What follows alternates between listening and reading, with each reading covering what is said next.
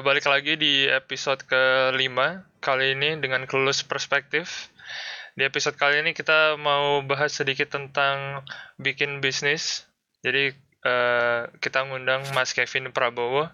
Bisa dijelaskan sendiri, memperkenalkan diri Mas Kevin Prabowo siapa? Halo, nama gue Kevin Prabowo. Uh, dulu gue nggak dulu sih, sekarang masih kuliah di Fontis uh, satu sekolah sama Patrick Klinis dan Wicak satu ambil jurusan teknik industri satu jurusan oh kita satu jurusan semua ya iya yeah, iya yeah, bro oh. ini tamu Udah. pertama yang bukan anak ICT by the way saya selama oh, iya, ini keren uh, iya boleh lah eh lu perkenalan cuma gitu doang. Lu gak mau menjual ini bisnis lu kan katanya lu bisnis. Itu enggak, itu terakhir. Itu, itu oh, terakhir. Itu Masih banyak waktu Mas Denis.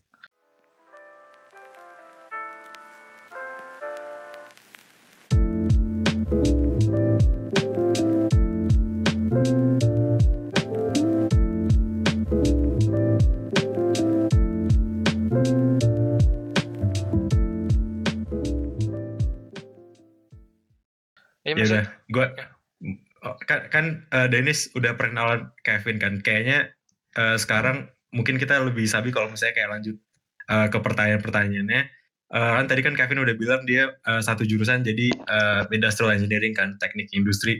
Mungkin lu bisa awalnya kayak ngejelasin dulu kan kayak um, knowledge sama skills yang lu udah dapet selama lu kuliah di IM apa aja atau atau kalau gue boleh nambahin mungkin kenapa lu pilih IM mungkin karena emang ya, lu pengen lu bikin bisa bisnis. mulai dari awal deh. Ya. Ya, dari awal deh. Oke okay, oke okay, oke. Okay. Kenapa gue pilih IM itu karena dulu tuh jadi gue pengen masuk teknik industri kan di Indo abis lulus SMA. Yeah. Well dulu banyak pilihan ya selain mau jadi teknik industri, gue pengen jadi polisi dan lain-lain lah seperti uh, sewajarnya anak-anak SMA mau lulus kan yeah. ada banyak pilihan terus tiba-tiba gue pengen ke teknik industri tapi gue IPS nggak bisa tuh dulu 2014 IPA yang bisa ke teknik industri. Nah karena hmm. gue nggak bisa masuk teknik industri terus singkat cerita ada representatif yang datang ke sekolah gue yang kebetulan temen nyokap waktu itu kan uh, dari dua bangsa tuh. Boleh nggak sih gue nyebut dua bangsa di sini? Boleh dong. Boleh ya? Justru ini promosi buat mereka oh iya. Eh anjing gue ngomong aja. Ya udah promosi buat mereka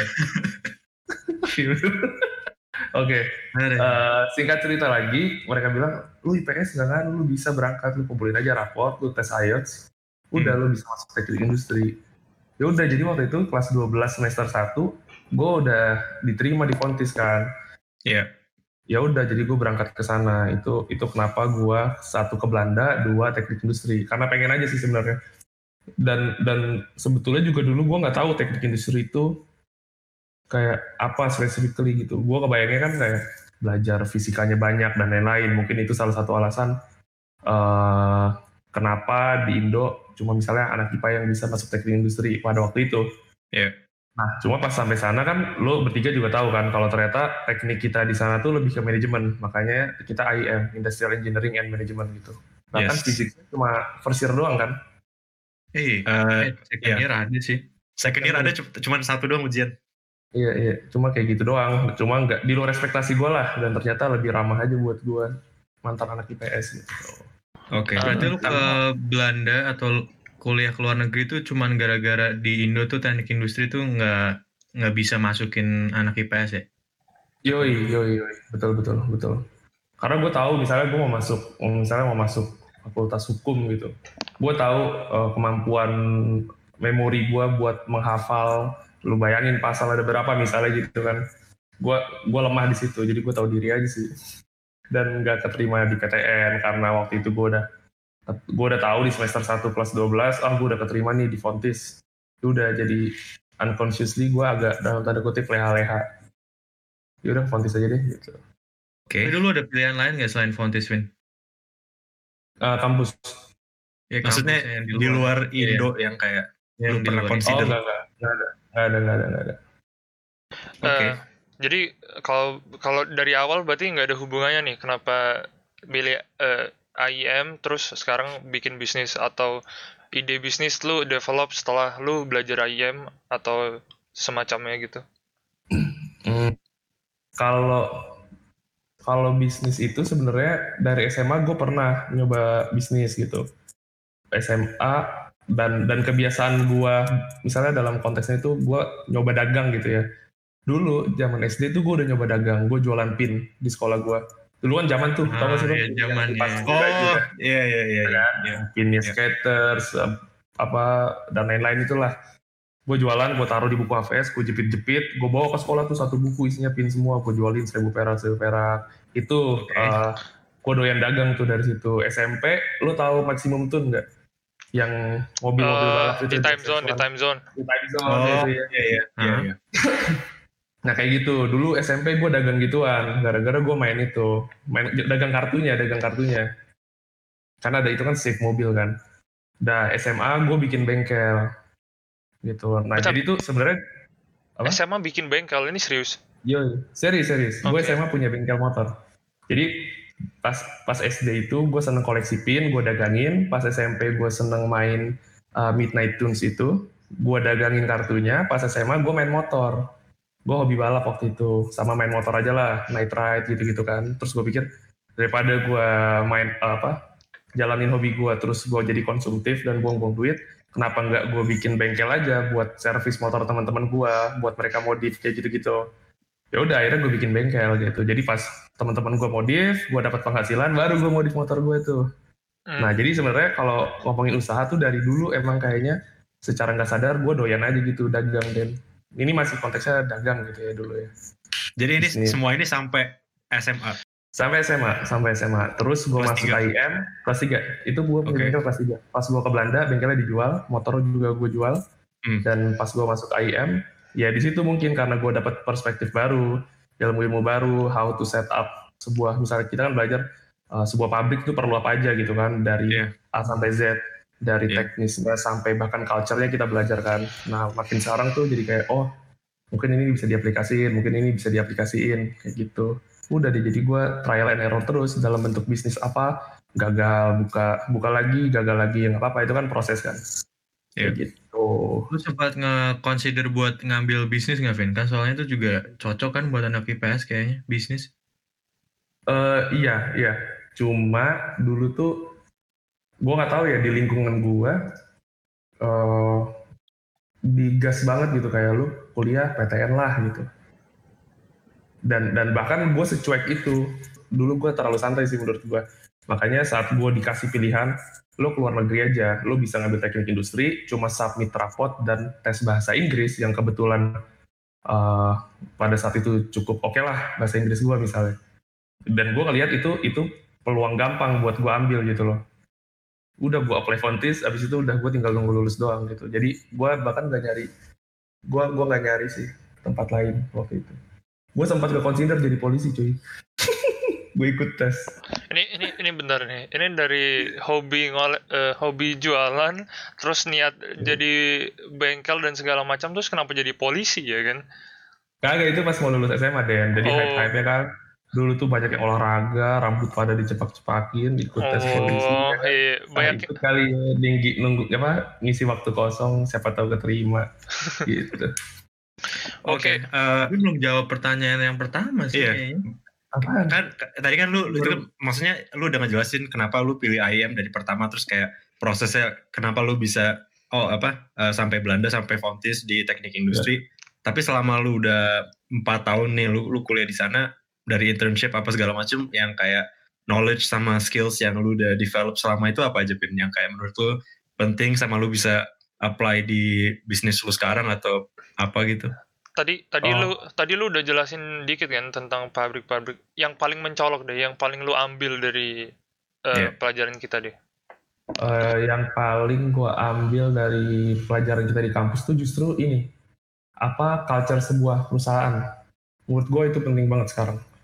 Kayak yeah. gimana lu ngebentuk culture usaha lu atau perusahaan lu dari awal itu penting menurut gua dan saat uh, tiba-tiba ada toxic culture yang terbentuk secara uh, dengan sendirinya gitu.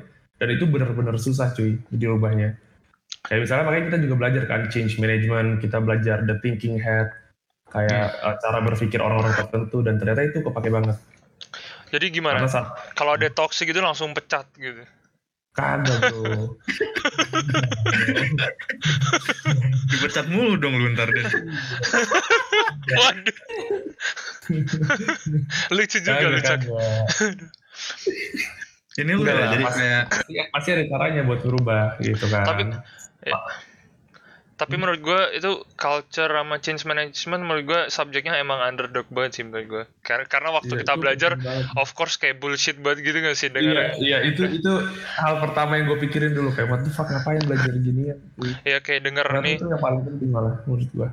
itu lu nggak ilmunya tuh pas lagi kelas atau setelah lu in- apa internship terus lu ngeliat oh ternyata gue belajar ini nih dari internship atau lu belajarnya dari apa lecture Ya sebenarnya itu akumulasi dari pengalaman gue selama kuliah, internship dan melakukan bisnis itu sih cak.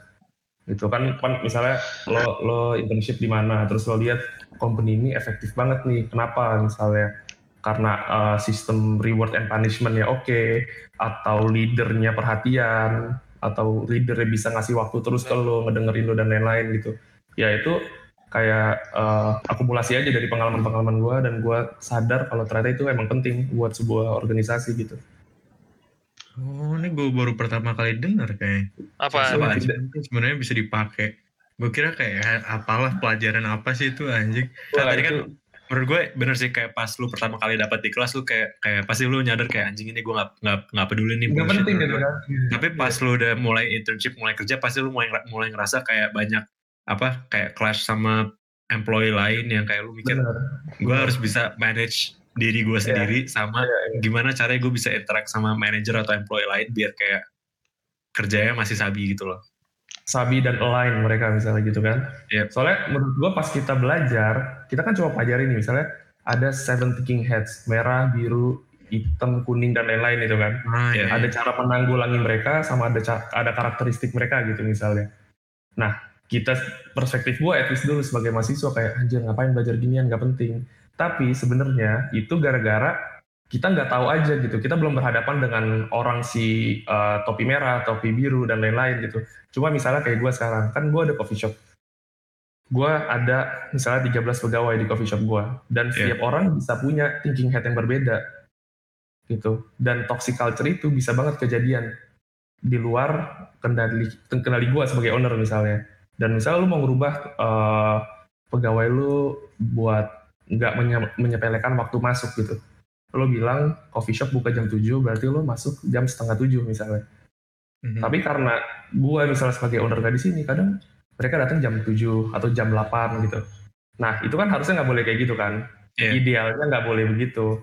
Nah cuma kan mungkin ini emang work ethics mereka atau ini emang eh, kebiasaan mereka aja dari pekerjaan-pekerjaan sebelumnya gitu terus masalah lu menyelaraskan visi lu sebagai owner ke employee lu dan lain-lain itu juga penting banget ternyata karena in the end of the day itu bakal ngerepotin lu kalau lu nggak ngurusin itu. Jadi solusi Hmm. buat masalah tadi gimana? Yang kayak datang telat gitu? Bisa share-share itu dikit nggak? eh, punishment. Lu kasih punishment gitu. Makanya kan ada kontrak kerja terus gue juga bikin yang namanya house rules di sini. Terus ada namanya punishment. Tapi saat lu cuma nerapin punishment ke employee lu kayak misalnya lu telat lu buat denda 10.000 ribu per satu menit misalnya gitu Mhm. itu itu nggak adil kan nggak fair buat mereka sedangkan saat mereka overtime misalnya nggak gue bayar Iya. gitu itu nggak ada reward jadi reward sama punishment itu harus lo kayak Balance. lu pasangin gitu ya Iya. buat biar fair buat kita sebagai business owner dan mereka yang kerja di situ. Bener-bener. Eh, Jadi gua- buat eh, student-student IM yang kelas apa tahun 1 ke eh, tahun 2 ngerasa kayak anjing ini apaan belajar begini Iya. ternyata ada ada tujuannya, Bro. Lu datang ke living kelas yang udah ada. gue gue kepo nih. Jadi kalau eh, kalau kalau re- eh, kalau action lu tadi kan lebih lebih lebih bahasanya lebih kayak reaktif kan. Lu ada toxic culture terus lu apply namanya reward and punishment tadi. Mm. Me- menurut gue kalau lu cari employee kenapa nggak dari awal? Kayak lu ada metode buat lu sendiri biar toxic culture ini nggak muncul di bisnis lu. Lu punya sesuatu gitu nggak yang buat cara cari eh, Oh, employee, employee gitu? ya Oh, sebelum jadi maksud lo daripada gue memperbaiki culture mereka, kenapa nggak gue cari employee yang bagus dari awal gitu Iya, kan? apa lu udah pakai metode itu atau belum berhasil karena nggak begitu kelihatan sebelum mereka kerja toxic culture yang mereka punya atau Hmm, gimana? hmm, hmm. Iya, iya, iya. Eh, Iya, itu bisa jadi sebenarnya kesalahan gue pas hiring misalnya kan. Karena background gue bukan orang HR dan organisasi organisasi gue masih terlalu kecil misalnya buat punya HR department, jadi masih gue handle sendiri kemarin kan. Dan dan eh, mungkin kalau gue orang HR, gue bisa nilai itu dan pas interview misalnya, oh ini orang ada-ada nih gitu. Nah, gue kemarin kayaknya belum punya kapasitas aja. Jadi eh, yang gue lihat misalnya cuma manis-manisnya. Tapi kan makin lama habit orang kelihatan tuh saat mereka kerja under pressure, saat mereka nggak dapat apa yang mereka mau, kayak gitu-gitu kan dari segi misalnya fasilitas atau benefits di tempat kerja mereka gitu kan. Nah makanya yang bisa gue lakuin itu cuma eh, menyelaraskan tujuan si misalnya brand kopi gue ini, coffee shop gue ini ke pegawai-pegawai gue gitu. Masih konteks Indo ya, coffee shop eh, Yoi. tempat kopi beneran ya, bukan? Yoi, bukan, bukan coffee shop itu lagi, bukan, bukan. Iya, iya. bukan yang itu. Oke, em, kan lu udah ngejelasin kayak em, apa yang lu bisa da- apa connection dari apa yang lu udah dapet di IEM sama kayak uh, real life em, contoh-contoh di bisnis kan. Tapi kalau Hmm. misalnya kita backtrack sedikit lagi, gue juga udah tahu uh, sebelumnya kan dulu gue sering ngobrol sama Kevin dia kayak ada banyak cerita-cerita bisnis yang sebelum coffee shop ini. Kenapa kebanyakan orang Indo ya, maksudnya di nggak nggak usah di Indo atau di sini juga. kalau misalnya lu nanya, lu habis lulus maunya ngapain? Dia paling gue mau kerja eh, tiga empat tahun habis itu gue bakal nyari eh, duit biar apa modal buat gue bikin bisnis sendiri. Tapi Hmm. si Kevin tuh kayak eh, lebih mau apa ya kayak nggak mau ngejalanin itu maybe atau nggak kayak mau do that way earlier sebelum yang lainnya mulai nggak tahu tapi kenapa basically kenapa lu choose to start a business instead of kayak ya udah gue mau pilih income yang stable gue mau 9 to 5 aja kenapa pin Oke oke oke. Eh, Sebenarnya jawaban paling simpelnya itu karena gua nggak suka. Jadi jadi eh, kan selama di Fontis kan Fontis kan applied science ya banyak banget kan Iya. magang. Lu sampai lulus berapa kali magang sih? Lima kali kan? Ada ya? Empat kali. empat kali kayaknya Empat kali ya? Empat kali, empat Iya. kali. Empat kali gitu. Nah lu lu nyobain empat perusahaan dong berarti. hmm. Bahkan di case gua gua sampai enam kali atau lima kali karena gua ada fail waktu itu kan. ya dari lima perusahaan atau enam perusahaan itu bahkan gua gua ngerasa eh, gua nggak ngelihat diri gua gitu eh, kerja from 9 to 5 setiap hari for the next 10 years misalnya. Hmm. So, itu itu karena gua ta- gua tahu apa yang gua suka dan gua nggak suka. Habis itu gua juga tahu diri aja. Karena misalnya gua maksain gitu se- gua mau kerja 9 to 5 karena semua orang bilang lo 9 to 5 aja sayang kan ijazah lo kuliah di Belanda gitu-gitu. Ya Cuma gue tau diri karena gue yakin nih saat gue misalnya kerja 9 to 5, misalnya gue nggak akan suka dengan pekerjaan gue, terus performa gue turun, ujung-ujungnya gue nggak perform baik. Itu efek karir gue juga kan. hmm. Kayak gitu. Sebenarnya itu sih lebih ke tahu diri aja dan gue tahu kebetulan apa yang gue suka. tapi up kayak maksudnya em, kan lu tadi bilang lu udah realize dari awal kayak ya oke gue gue selama ini gue udah coba lima perusahaan gue gak bisa picture Hmm. myself di 9 to 5 company tapi lu tahu specifically alasannya kenapa Eh, alasan kenapa gue nggak suka? hmm. gue nggak suka rutin. Gue nggak suka rutin. Dan gue suka ketemu orang, gue suka eksplorasi, entah itu dari ketemu orang baru atau ide atau atau yang lain-lainnya lah. Pokoknya gue nggak suka rutinitas. Terus misalnya in corporate leader misalnya rata-rata orang promosi dua tahun atau tiga tahun pindah jabatan pindah departemen gitu emang di situ gue yakin learning curve-nya cepet eh, cepet dan dalam mungkin kan Iya. cuma menurut gua saat lo melakukan bisnis juga bukan berarti learning curve lo nggak cepet dan dalam gitu tinggal seserius aja lu lu di bisnis itu gimana dan kalau lu bener-bener work on your business 9 to 5 juga Hmm. itu itu gue yakin uh, lu bisa belajar banyak dan lu bisa make uh, really good progress juga gitu Iya. bahkan menurut Tapi- gua saat lu bisnis tuh Iya. ini noy ar noy lagi pet oh kalau misalnya kalau misalnya Kevin bilang Noy itu masih gue ya Patrick ya Iya, Patrick. itu lanjut. panggilan panggilan sayang gue. Nah, Iya. jadi eh, bahkan saat lo bisnis kerja lo itu bisa lebih dari 9 to 5 gitu hmm. jadi gue nggak mempermasalahkan jam kerja di kantor itu misalnya orang bilang lama banget 9 jam sehari lu lu lu alokasikan buat kerja gitu hmm. gue di misalnya kayak gue nih di bisnis gue bisa lebih dari 9 jam per hari yeah. bahkan misalnya kayak sekarang nih kita jam 9 malam gue baru aja close to, close uh, coffee shop gue kan dan itu yeah. udah lebih dari 9 to 5 gitu kalau menurut gue sih kebanyakan orang pengen menjadi business owner cuman kayaknya mereka lebih ngeliat kayak gini kayak gue harus kalau misalnya gue mau mulai bisnis gue harus set aside a, a specific amount of capital atau modal hmm. kalau misalnya gue udah udah ada modal segitu gue nggak tahu nih kalau misalnya gue udah udah akhirnya terjun di dunia bisnis gue ntar kayak gue risknya gede banget gue nggak mau kayak apa cuman ada satu chance terus kayak gue uh, mess it up terus kayak yeah, uh, lose yeah. all the money yang udah gue uh, build dari awal kayak kalau misalnya gue stick di 9 to 5 at least walaupun mungkin gue nggak terlalu suka tapi um, apa ya kayak at least income-nya steady sama stable kalau menurut lu opini lu towards that idea hmm. apa Vin? Nah ini ini sebenarnya gue sering banget menghadapi statement-statement kayak gini dari orang. Lu ngomongin security berarti kan? Lu gak mau bisnis? More or less, more or less, ya kan? lo gak mau bisnis karena lo nge-picture misalnya resikonya besar. Terus uh, lo nge-picture lo bakal pakai semua tabungan lo dan saat itu kagak lo nggak punya apa-apa lagi gitu kan. Iya. Yeah.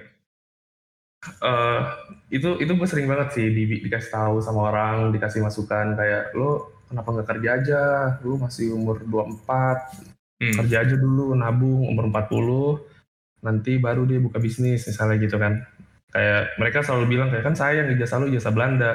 Di Belanda hmm. gajinya lumayan bla bla bla bla gitulah menurut gua uh, kalau ngomongin soal security kayak gitu gua nggak melihat kerja di kantor itu lebih secure daripada gua yang melakukan bisnis oh, menurut gua. Hot, hot takes nih hot takes. Lagi lagi. lagi dong lagi dong. Lebih dalam gitu dong nah kenapa? Kenapa gitu? Misalnya lo lo kerja di perusahaan swasta. Hmm. ownernya orang juga gitu. It's someone's business.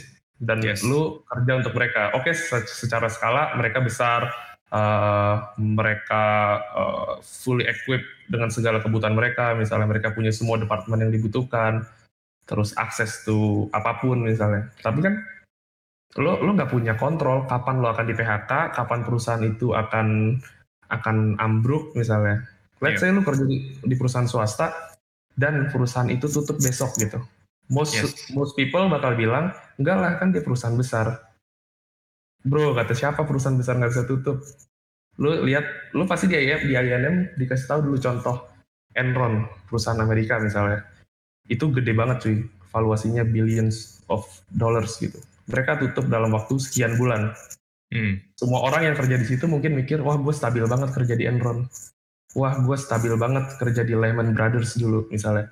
Tapi perusahaan-perusahaan itu kolaps dan gak sedikit perusahaan besar yang kolaps gitu. Terus saat yeah. lo bilang ke gue, lo meresikukan banyak hal, lo gak punya security melakukan bisnis. Menurut gue gak ada bedanya sama lo kerja di perusahaan dan lo gak punya kontrol gitu. Kapan perusahaan itu tutup, kapan lo akan dipecat misalnya. Dan posisi lo bisa digantikan dengan orang lain dalam hitungan hari. Iya. Yeah. Saat lo gak punya benar-benar extraordinary performance misalnya gitu loh. Yes. Jadi jadi menurut gua sama aja sih. Dan itu kenapa mungkin gua memberanikan diri buat melakukan bisnis gitu. Gue ini nih, uh, eh, gue mikir misal kalau be kalau besok lulus terus uh, kerja dulu buat uh, eh, 9 to 5 gitu, tapi uh, hmm. after that 5 uh, allocate hmm. a little time atau effort kita buat uh, nge-build bisnis. Buat lu uh, itu nggak bakal berhasil atau gimana? Jadi kerja dulu tapi uh, on the on the side hustle lu lu juga be berusaha nge-build bisnis lu menurut lu eh, nggak uh, berhasil menurut gua enggak enggak menurut gua berhasil atau enggaknya itu tergantung effort yang lu keluarin uh, cuma balik lagi gua nggak menyalahkan orang yang 9 to 5 ya. Satu itu pilihan. Dua hmm. mungkin mereka punya plan gitu. Kenapa mereka 9 to 5 dulu? Di case gua mungkin best practice-nya adalah gua berusaha aja langsung gitu. Kebayang gak maksud gua? Iya, jadi ya, kayak betul. tergantung iya. masing-masing hmm. orang ya. Kalau dia betul, tuh... betul betul betul betul. Dan tadi kayak Patrick bilang kan misalnya lo Patrick uh, mutusin buat usaha terus tiba-tiba gagal gitu. Dan he lose all his, all his money gitu yeah. harusnya lu bisa plan dari awal lu bikin usaha lo list semua risknya terus lu mitigate risknya. Makanya kan ada risk management dan lain-lain kan risk mitigation yes. juga. Dan, dan dan kita belajar gitu sebenarnya di Fontis. Cuma kadang aja kita nggak dengerin kan termasuk gua dulu pas kuliah. Kadang kadang apa selalu? Eh, selalu sih dulu. Dan gue nyesel banget nih sekarang. Aduh aja langsung dengerin itu dulu. Yeah, kayak gitu. Dan kayak misalnya lu punya uang 100 juta ya. Yeah. kalau kalau lu bisa ngeplan it good. Lu nggak akan pertama lu mungkin nggak akan make 100 juta itu saat lu tahu bisnis lu beresiko tinggi. Mm-hmm. mungkin lu cuma make 20 juta di mana 80 jutanya itu buat buffer lu hidup 6 bulan ke depan atau yeah. buffer lu buat nyoba another uh, bisnis lainnya setelah yang ini gagal misalnya. Lu bisa plan itu semua kan. Kayak gue punya contoh case di mana gue diskusi sama partner gue gue gue bilang jadi kan ada rencana mau buka usaha F&B lagi kan terus gue bilang abis oh, yang okay. ini apa abis yang okay. ini abis okay. ini terus gue tanya sama dia uh, oke okay, gimana kalau kita allocate hmm, X amount of money buat uh, biaya dadakan, gue bilang gitu kan. Mm-hmm. Dan itu waktu itu tuh cukup signifikan dal- dari uh, dalam portion total capital gue ya. Terus yes. kata dia, nggak usah, nggak perlu, kata dia. Karena karena gue ngeliatnya sebagai mentor juga sih, makanya dia sambil ngajarin gue kan. Terus gue tanya, kenapa nggak perlu? Nanti kalau usahanya nggak laku gimana? Kalau nggak ada yang datang gimana? Kalau pandemi lagi gimana? Gue bilang gitu kan. Terus dia cuma jawab, Uh, makanya sebelum buka, lu do research dan plan it as good as possible, gitu. Walaupun dia akhirnya bilang emang itu perlu, cuma seharusnya lu nggak perlu sebesar ini. Lu bisa mitigate, lu bisa risk apa list semua risknya dan lain-lain gitu. Lu do research saat lu mau lakukan bisnis. Jangan cuma lu punya duit 10 juta, lu cemplungin 10 juta, lu beli gerobak, lu dagang gitu. Harusnya nggak kayak yeah. gitu kan. Iya. Yeah. Tuh.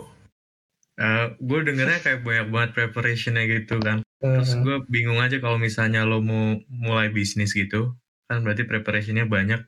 Terus belajarnya dari mana aja, Vin?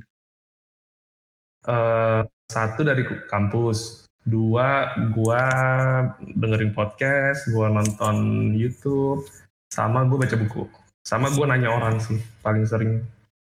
Teman-teman yang udah nyemplung ke bisnis, mau skala kecil, skala besar, gue seneng banget ngobrol. Itu dia poin gue saat gue bilang gue nggak suka 9 to 5 karena gue misalnya uh, waktu gue gue ngelihatnya waktu gue tersita gitu. Saat gue bisnis gue bisa ke mana pun kapan pun gue mau gue bisa ketemu bisnis owner ini hari ini gue bener-bener nanya semua hal yang gue mau gitu. Dan kebetulan mereka-mereka ini juga suportif sama pemilik bisnis lainnya gitu. Iya gini-gini gue dikasih tahu caranya gini lo jangan sampai ngelakuin ini ya. Coba deh lu tanya dia ntar gue main ke orang lain yang dia refer.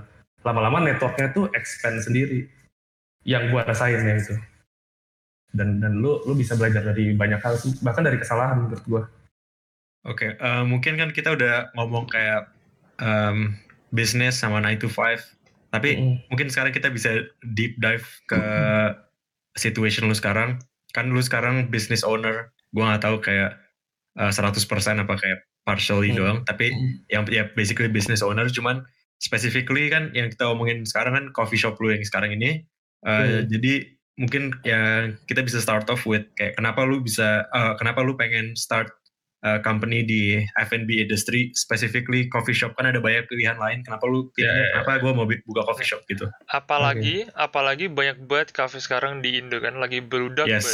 Iya, iya, iya. Di mana-mana kan. Hmm. Benar. Oke. Okay.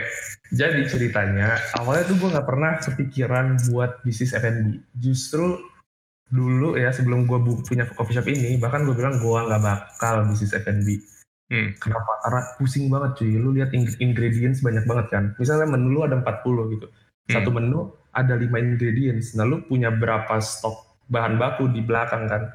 Belum lagi bahan baku yang basi dan lain-lain. Makanya dulu tuh gue bilang gue gak mau bisnis F&B. Cuma pas gue balik ke Indo, niat awal gue itu ngebantuin uh, family business. Jadi keluarga gue tuh bisnis logistik kan. Yeah. Tracking, forwarding, ekspor impor gitu-gitu. Nah awalnya itu uh, the first six month gue di sini setelah balik dari Belanda gue nyari uh, dana segar. Asik dana segar. Gue nyari investment. Dari luar. Iya yeah, iya. Yeah. karena karena udah berdarah darah nih. Gue tahu kayak gue nggak bisa cuma numpang hidup di rumah. Gue pengen bantu lah kasihan orang tua misalnya udah tua gitu kan. Oke gue yeah. cari investment dari luar dapat first investment gitu. Habis itu gue nyari kantor nah pas gue nyari kantor ada beberapa pilihan. Kebetulan venue yang jadi coffee shop gue sekarang ini harganya masuk budget dan gede banget. Terus fasilitasnya oke. Okay. Hmm. sedangkan family business gue itu orang yang di kantornya paling cuma 5 sampai enam orang kan. Karena tracking bisnis semua orang di lapangan gitu jarang yeah. kantor. Gue pikir anjir ini kantor gede banget cuy. 170 meter persegi kan. Cuma berenam mau main futsal di sini gue bilang kan okay, goblok. Tapi sabi banget dibandingin gue nyewa ruko di seberang misalnya. Enakan yeah, yeah. di di bawah ada Burger King, di sebelah ada Dunkin Donut gitu. Ada Starbucks. Akhirnya gue mikir gimana caranya biar kantor gue rame gitu. Dan dan gue mikir kan, jadi kantor ini dekat uh, coffee shop gue ini dekat rumah dan gue mikir apa ya masalah gue yang punya apa apa sih masalah yang lagi gue punya misalnya kenapa gue nyari kantor dekat rumah dan setelah gue refer back jadi selama gue bisnis itu dari kemarin berproses itu gue sering banget meeting sama orang. Sehari misalnya dua hari dua kali tiga kali. Meetingnya di coffee shop dan coffee shop itu kayak di Jakarta Selatan misalnya atau di Jakarta Utara sedangkan rumah gue di Jakarta Timur. Nah dari empat hal ini itu tuh makan waktu gue banget kan. Travel di Jakarta macet satu. Kedua hmm. bensin. Ketiga siap gue pindah tempat gue pasti jajan dong. Itu cost banyak. Terus gue mikir oke okay, berarti cara bikin kantor gue rame dan gue menyelesaikan masalah pribadi gue adalah dengan gue bikin coffee shop di depan kantor gue jadi gitu itu bodoh banget gila nih orang gila nih orang jadi dari 170 meter persegi ini space gue bagi uh, jadi tiga bagian dua per hmm. tiga hmm. depan gue kasih buat coffee shop kantor gue sepertiga di belakangnya oh. makanya kalau lo lihat uh, misalnya lo buka instagram uh, coffee shop gue namanya kopi wangsa itu ada meeting room kan nah sebenarnya meeting room ini buat mengakomodir kebutuhan kantor gue dan estetik dari si coffee shopnya sebenarnya emang gue perlu ruang meeting aja nyet makanya gue kasih apa kaca supaya bisa dipakai sama dua-duanya gitu. Tapi tapi ka, ka, apa kalau udah masuk IG tetap kelihatan bagus-bagus aja kan? Iya, tetap kan pakai desainer kemarin. Gitu. jadi sebenarnya gitu dah. Jadi jadi dari dari gue nemu tempat ini sampai mm -hmm. coffee shop ini jadi itu kemarin makan waktu dua bulan. Jadi gue nemu tempat, oke okay, gimana caranya biar rame? Sepertiga kantor, sepertiga coffee shop. Jadi gue nongkrong di sini terus, ngumpul di sini terus, meeting di sini terus gitu kan. Ya udah hmm. akhirnya ada coffee shop dan kantor di sini. Tapi tapi kayak kalau misalnya sekarang hari ini lu bisa decide lagi uh, hmm. bikin yang sepertiga dua per tiga itu, lu tetap ngelakuin the same thing. Maksudnya gimana? Kayak tempat lain? Lu nyesel gitu? Lu nyesel decision itu gak? Kagak lah, gila ini the best decision gua kali. Okay. Uh, okay, okay. Walaupun okay. tercebur di pandemi ya, bener-bener planning gua hari H gua buka tuh hari H PSBB pertama cuy. Shit. Terus gue bingung anjir gimana ya. Akhirnya gue jualan di Tokped. Sales pertama gue lewat Tokped. Wah itu smart sih. Gitu. Oh makanya di Instagramnya ada link ke Tokopedia ya? Iya dulu ya, ya, ya, upload mulu di IG. Iya iya iya. Gitu. Jadi apa nama tokonya Pin? Nama nama coffee shopnya Kopi Wangsa. Di alamatnya alamatnya? Di, di Jakarta Timur Pondok Bambu. Oke? Okay? Ada di Google. Terus Instagram Instagramnya at at Kopi Wangsa. Terima kasih Kulus Perspektif.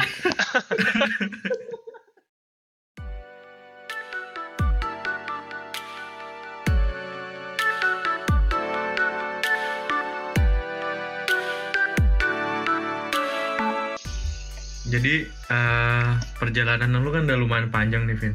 Dari hmm. sekolah di Belanda, terus balik ke Indo terus sampai mulai bisnis sendiri uh, bisa sharing nggak Vin kayak apa struggle sama lessons yang lu dapetin dari journey lu ini waduh banyak cuy banyak banget dramanya yang ini aja deh yang kayak paling banget. impactful paling impactful adalah uh, banyak yang akan meremehkan lu saat lu bangun sesuatu terutama bisnis ya dan umur lu masih misalnya 20 early 20 yeah. misalnya Yeah. Itu itu banyak banget cuy. Ngeremehin itu, maksudnya gimana nih? Kayak aduh nih orang ngapain sih lulusan Belanda bikin toko kopi segelas dua puluh lima ribu lu ngapain kuliah di Belanda kayak gitu misalnya kayak lu ngapain hmm, men okay. bisnis lu kerja aja dulu sana nabung yang banyak ya kan berkarir, belajar di kantor, umur 40, kalau udah siap, punya pengalaman, punya network, baru buka usaha kayak gitu. Yeah. Wah, lu lu banyak banget deh yang bakal yang bakal bilang no to your actions tuh banyak banget gitu. Cuma itu menurut gua kenapa misalnya gua tetap buka si bisnis karena gua tahu gua nge-plan ini gitu dan dan gua mitigate risknya gitu. Jadi jalan terus bro. Jadi jalan terus bro. jalan terus saja. Kalau lu percaya ya, karena itu salah satu elemen penting dalam berbisnis menurut gua. Gut feeling lu itu nomor satu. Maksud gua yang perlu itu itu patut dikonsider juga. Cuma jangan karena lu punya gut feeling kayak anjir gua harus buka coffee shop nih misalnya. Tapi lu nggak plan ya sama aja. Gak Ada nggak Vin kayak misalnya uh, contoh uh, gua nggak tahu lu mulainya kapan tapi misalnya dari hmm. awal-awal yang kayak lu yang apa ya kayak decision yang lu bikin yang lu mikir kayak oke okay, ini kayaknya this will work tapi in the end kayak semuanya fuck up. Banyak banyak banyak banyak banget banyak banget. Itu yang banyak. yang yang yang kayak paling mencolok apa deh? Yang paling sebenarnya banyak banget hal-hal kayak gitu tuh ya. Biasanya terjadi saat lu nongkrong lu bingung yeah. mau ngapain dan lu impulsif bilang yuk kita ngelakuin ini yuk besok gitu. Itu itu itu terjadi sama gua. Bahkan one year in a row gitu. Gue habisin waktu buat uh, hal-hal nggak ya, penting.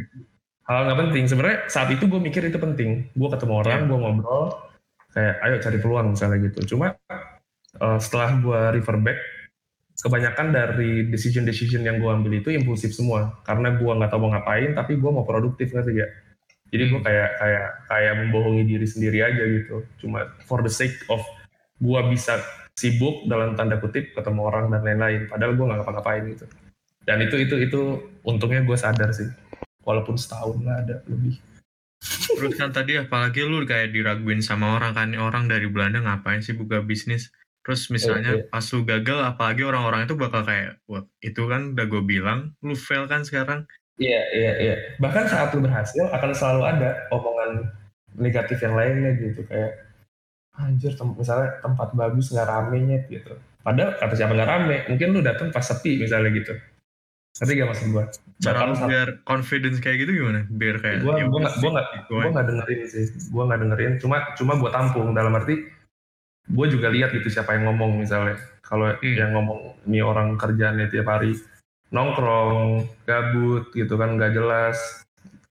Itu itu gua kadang ya udah ya udah gitu kok gue jadi ngomongin orang ya? Sorry ya. Cuma cuma uh, cuma cuma sering banget. Gue bahkan digituin tapi saat yang ngomong itu gue tahu nih orang produktif banget gitu. Misalnya yeah. contoh umur umurnya misalnya ada umur 26 29 penghasilannya di atas. Ini ini kita ngomongin hal yang bisa kita ukur aja ya. Kita hmm. ngomongin uh, income secara income gitu. Karena misalnya gue tahu income nih orang kira-kira berapa Nah, kalau gue ngomongin ini orang baik apa enggak, nih orang serius apa enggak dalam bisnisnya, terus semantap apa komitmennya kan itu nggak bisa diukur kan. Jadi biasanya yeah. karena gue tahu nih pelaku bisnis dan gue deket sama dia dan dia sering sharing sama gue, gue tahu income-nya misalnya berapa. Karena kan income itu uh, direct result dari effort yang lo keluarin dalam bisnis kan, misalnya gitu. Iya. Yeah. Jadi menurut gue opini mereka legit gitu. Dan saat orang-orang seperti itu yang ngomong, pasti gue tampung. Dalam arti gue sering banget cuy dikata-katain kayak anjir lu lu lu. Bahkan misalnya gue punya bisnis terus lu belum lulus kuliah lu nggak nggak kasihan misalnya sama sama cewek lo uh, security dia gimana nih sama lu? Terus uh, lu belum lulus malah lu ngurusin bisnis dan lain-lain. Itu walaupun di sisi lain bisnis gue jalan cuma gue ngerasa ditampar gitu. Nah hal-hal kayak gini nih yang bisa ngedrive lu setiap hari nih. Dan dan lu tahu yang ngasih tahu lu itu bukan orang yang tiap hari misalnya bengong kayak gitu-gitu. Jadi tapi, ya lu secara unconsciously lu bakal dengerin mereka lah. Tapi lu ngeliat itu sebagai kayak pressure atau motivation? Itu positive pressure, itu bisa jadi motivation. Justru hal-hal gitu sih yang motivate gue. Bahkan saat diolok-olok pun itu bisa jadi motivation menurut gue. Dan itu dia saat lu nerima yang kayak gitu tuh jangan lu convert jadi negativity gitu loh. Lu convert, oh berarti misalnya lu punya something to prove ke si A misalnya. Jangan lu jadi dendam. Nah gua musuhin deh nih orang besok. Itu nggak penting cuy. Nggak ada nggak ada nggak ada manfaatnya kan. Kalau lu convert itu jadi semangat kan sabi tapi biasanya kalau menurut gua orang dengar kayak banyak uh, apa ya hate dari orang lain justru hmm. malah bikin lu ngerasa kayak uh, jadi ngerasa kayak negative pressure. Jadi ya lu bikin gak decision apa. jadi lu bikin decision jadinya kayak nggak nggak sesuai ke original plan lu yang lu udah buat dari awal saya lu dibikin yeah. plan ada orang ngomong apa terus lu kayak anjing kayak plan gue salah nih nah oh, itu itu yeah. itu konversi yang salah menurut gue hmm. sebenarnya lu punya pilihan kan lu mau mikirin olok-olokan nih orang dan lu jadi down terus lu jadi nggak ngapa-ngapain dan still being yourself yang gak ngapa-ngapain setiap harinya atau ya udah lu coba aja buktiin gitu.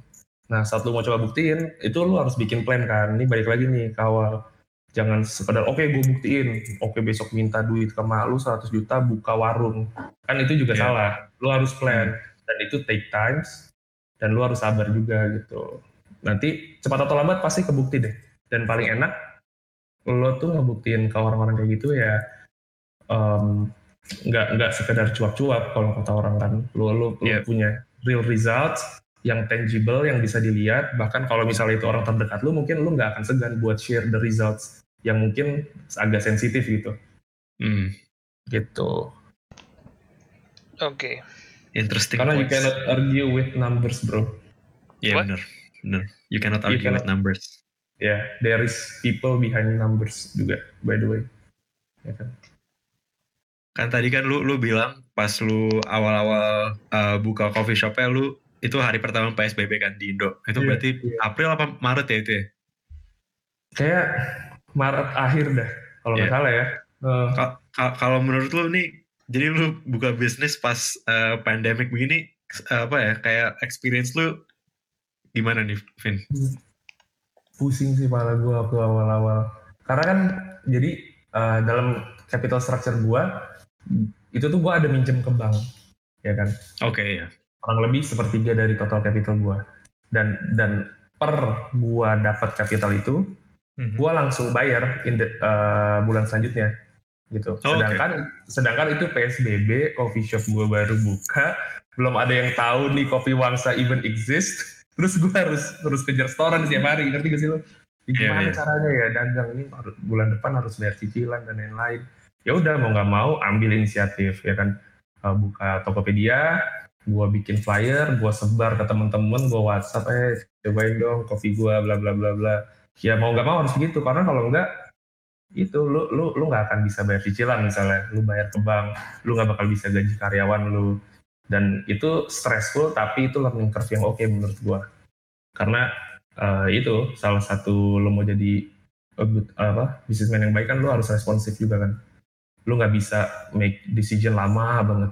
Karena salah satu itu itu psbb hari pertama gue nggak expect gue belum terdaftar di GoFood gue belum terdaftar di GrabFood gue belum punya Tokped dan gue cuma bisa jualan offline tapi fucking psbb anjir hari itu fuck tapi pas itu ada omongan internal lah Vin kayak mungkin ini kita gara-gara PSBB pas awal-awal kita kayak udah kita delay aja dulu nanti launch lagi apa-apa gitu. Kagak, kagak, kagak, kagak ada, kagak ada, kagak ada tetep lah mau mau ngapain soalnya kan semua bisnis juga terim, terdampak kan bukan yeah. gue doang kan kalau yeah. mereka survive masa gue nggak bisa sih mikir gimana caranya gitu kan orang-orang tuh pada bilang kayak lu harus uh, apa uh, do a 9 to 5 atau nggak lu buka bisnis tapi orang bilang kayak aja just follow your passion Fit. follow your passion kalau menurut yeah. lu passion itu overrated gak Fit?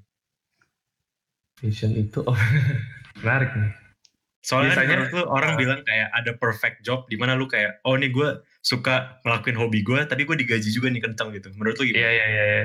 iya. Menurut uh, kalau menurut gue saat lu nemuin pekerjaan dan itu hobi lu dan itu sesuai tujuan lu dan lu dibayar itu sabi banget. Cuma biasanya kan uh, passion itu dikait-kaitkan dengan idealisme misalnya. Hmm. Kayak kayak misalnya seniman dipandang sebelah mata gitu. Kayak lu, yeah. lu emang dapat duit lo jadi jadi pelukis misalnya. Cuma emang ada orang terus menurut dia duit misalnya bukan bukan segalanya ya. Gue mau gambar aja emang kenapa sih? Gue pengen habisin the rest of my life gambar. Gambar gue dilihat orang toh gue masih hidup di rumah gue masih ada nasi misalnya gitu kan. Iya. Yeah. nah, itu itu nggak masalah. Menurut gue oke okay banget saat lu benar-benar suka sama passion lu dan dan lo bisa hidup dari situ. Dan kalau menurut lo itu cukup itu nggak ada salahnya. Mungkin orang yang bilang kayak lu ngapain kejar passion lu? Itu nggak menghasilkan ya mungkin end goal si orang yang melakukan dan yang ngasih saran itu beda kan. Jadi lu nggak bisa nge-generalize uh, apa end goal semua orang gitu. Nggak semuanya pengen hidup mewah, nggak semuanya pengen uh, bring uh, apa value yang besar buat society. Ada orang yang cuma pengen have a happy family, have time every day with them, sama hidup berkecukupan. Gitu. Jadi kalau passion overrated, uh, gua nggak jawabannya apa ya? Tergantung. Tergantung sih itu relatif banget soalnya. iya iya relatif relatif. Cuma iya. gua gua mendukung orang-orang yang bekerja sesuai passion mereka. Ya intinya whatever works lah ya. Iya iya iya. Justru justru menurut gua salah banget gitu saat lo lo melakukan sesuatu dan lo nggak enjoy tapi lo tetap di situ gitu kan ada orang bilang yolo asik yolo ya, ya, masa lo mau ngerjain yang lo nggak suka sih? Mau sampai kapan gitu misalnya? Sayang men. Apalagi di umur lo yang apalagi umur lo yang 20-an gini lo bisa sehancur-hancurnya iya, dalam dalam konteks positif ya. Dalam artian lo iya, coba iya. lo gagal dalam bisnis gitu. Lo lo pinjam uang ke bank coba bisnis. Lo lo belum punya tanggungan. Yang akan sulit saat lo gagal tuh cuma lo doang. Cuma nanti justru kayak orang yang tadi gue bilang gue dapat masukan lo kerja dulu terus umur 40 lo coba bisnis. Ya gue udah punya anak, gue udah punya istri, orang tua gue misalnya udah tua, itu menjadi tanggungan gue juga gitu. Malah more things to to take care of gitu.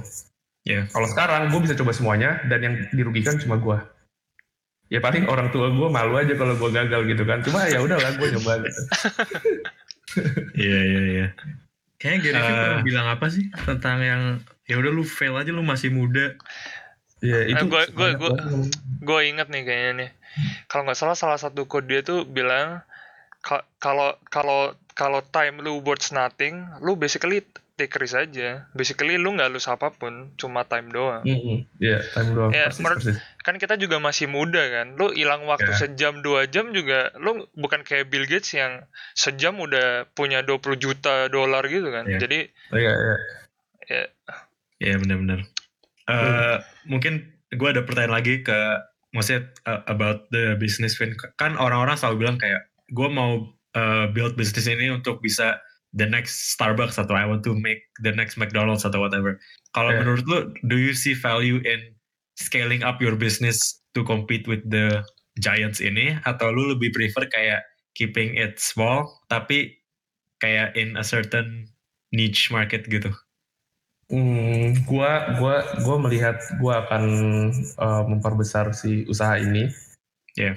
Uh, tapi nggak nggak belum belum bukan berarti akan jadi the next Starbucks walaupun dalam thinking proses gue waktu gue ngebangun si kopi wangsa ini gue bener-bener jadiin Starbucks salah satu referensi terkuat gue jadi ada tiga sebenarnya waktu itu referensi gue bikin kopi wangsa satu Starbucks dua kisahku halo kisahku itu uh, punya Ralinsyah ya ada ada satu lagi co-founder ya terus uh, satu lagi tuh Ayah Coffee Ayah Coffee ini ada di South Korea di Seoul Nah, kenapa okay. misalnya gue lihat Starbucks itu? Ini coffee shop brand equity-nya kuat banget kan. Kayak lu rela hmm. bayar kopi sampai karamel macchiato-nya 69 ribu gitu. Sedangkan yeah. kopi di sebelah Starbucks yang lain-lain yang tugu itu bisa 18 ribu. Cuma orang tetap ke Starbucks. Dan menurut gue waktu itu tuh jarang banget. Uh, ini gue ngomongin di sekitar kopi wang saya. Yeah. Uh, sedikit lah yang yang menyediakan uh, kedai lokal yang menyediakan tempat kayak Starbucks itu yang yang nyaman, yang servisnya oke, okay, yang bisa produktif di situ. Nah, uh, dan dan sekarang tuh gue udah bikin kayak bahkan gue masih ngerancang visi buat buat si kopi wangsa dan gue baru nemu visinya. Jadi kalau ngomongin gue bakal scale up bisnisnya itu itu jelas sih karena men saat lu udah bikin satu bisnis dan misalnya itu udah jalan gitu kayak yeah. misalnya lu udah bisa tinggal liburan seminggu itu udah jalan kan lu bakal waktu lu tuh bakal luang lagi. Karena lu sibuk tuh pas Awal set up the whole system saat build the whole thing gitu. Saat udah jadi, lu lu bakal kosong lagi dan lu pasti ngerasa bosan. Naturally biasanya mereka akan cari usaha lain buat ngisi waktu mereka. Contohnya gue juga melakukan itu sih kayak gitu. Jadi jadi gue gua gua looking forward sih buat uh, expand si kopi wangsa ini. Expand atau bikin bisnis baru nih? Uh, iya di FNB di FNB maksudnya nggak kopi mangsa doang. Tadi dia udah bilang. udah mention yeah. juga sih Kevin. Oke. Okay. Gitu. Enggak, enggak. Gue pengen nyampein sesuatu. Kayak yeah. berhubungan sama yang dari tadi, pertanyaan-pertanyaan yang lo tanya gitu. Kan dari tadi pertanyaannya kayak uh, lebih ke komparasi kenapa orang 9 to 5 dan kenapa orang melakukan bisnis gitu kan. Mm -hmm. Ya. Mm -hmm. Sebenarnya salah satu driver juga, uh, karena gue pribadi pengen pengen aja, uh, gue ngeliat from bisnis gue bisa mencapai uh, sesuatu yang lebih besar dibandingkan diri gue di sebuah enterprise gitu. Yes. Ini ini ini directly connected ke diri gue doang ya. Cuma orang bisa mungkin mencapai hal yang lebih besar dengan mereka ke ke corporate-corporate besar gitu. Um, habis itu kayak gue sering banget dibilang, oh ini lulusan Belanda ngapain jualan kopi yang kayak gitu-gitu loh dulu nih dulu nih pas kopi uang sebelum jadi. Terus gue disuruh lah, oke kamu habis kuliah, lulus, kamu kerja, yang tadi kita omongin, nomor umur 40, 50 lah, dapat pengalaman, punya uang tabungan, baru coba bisnis gitu.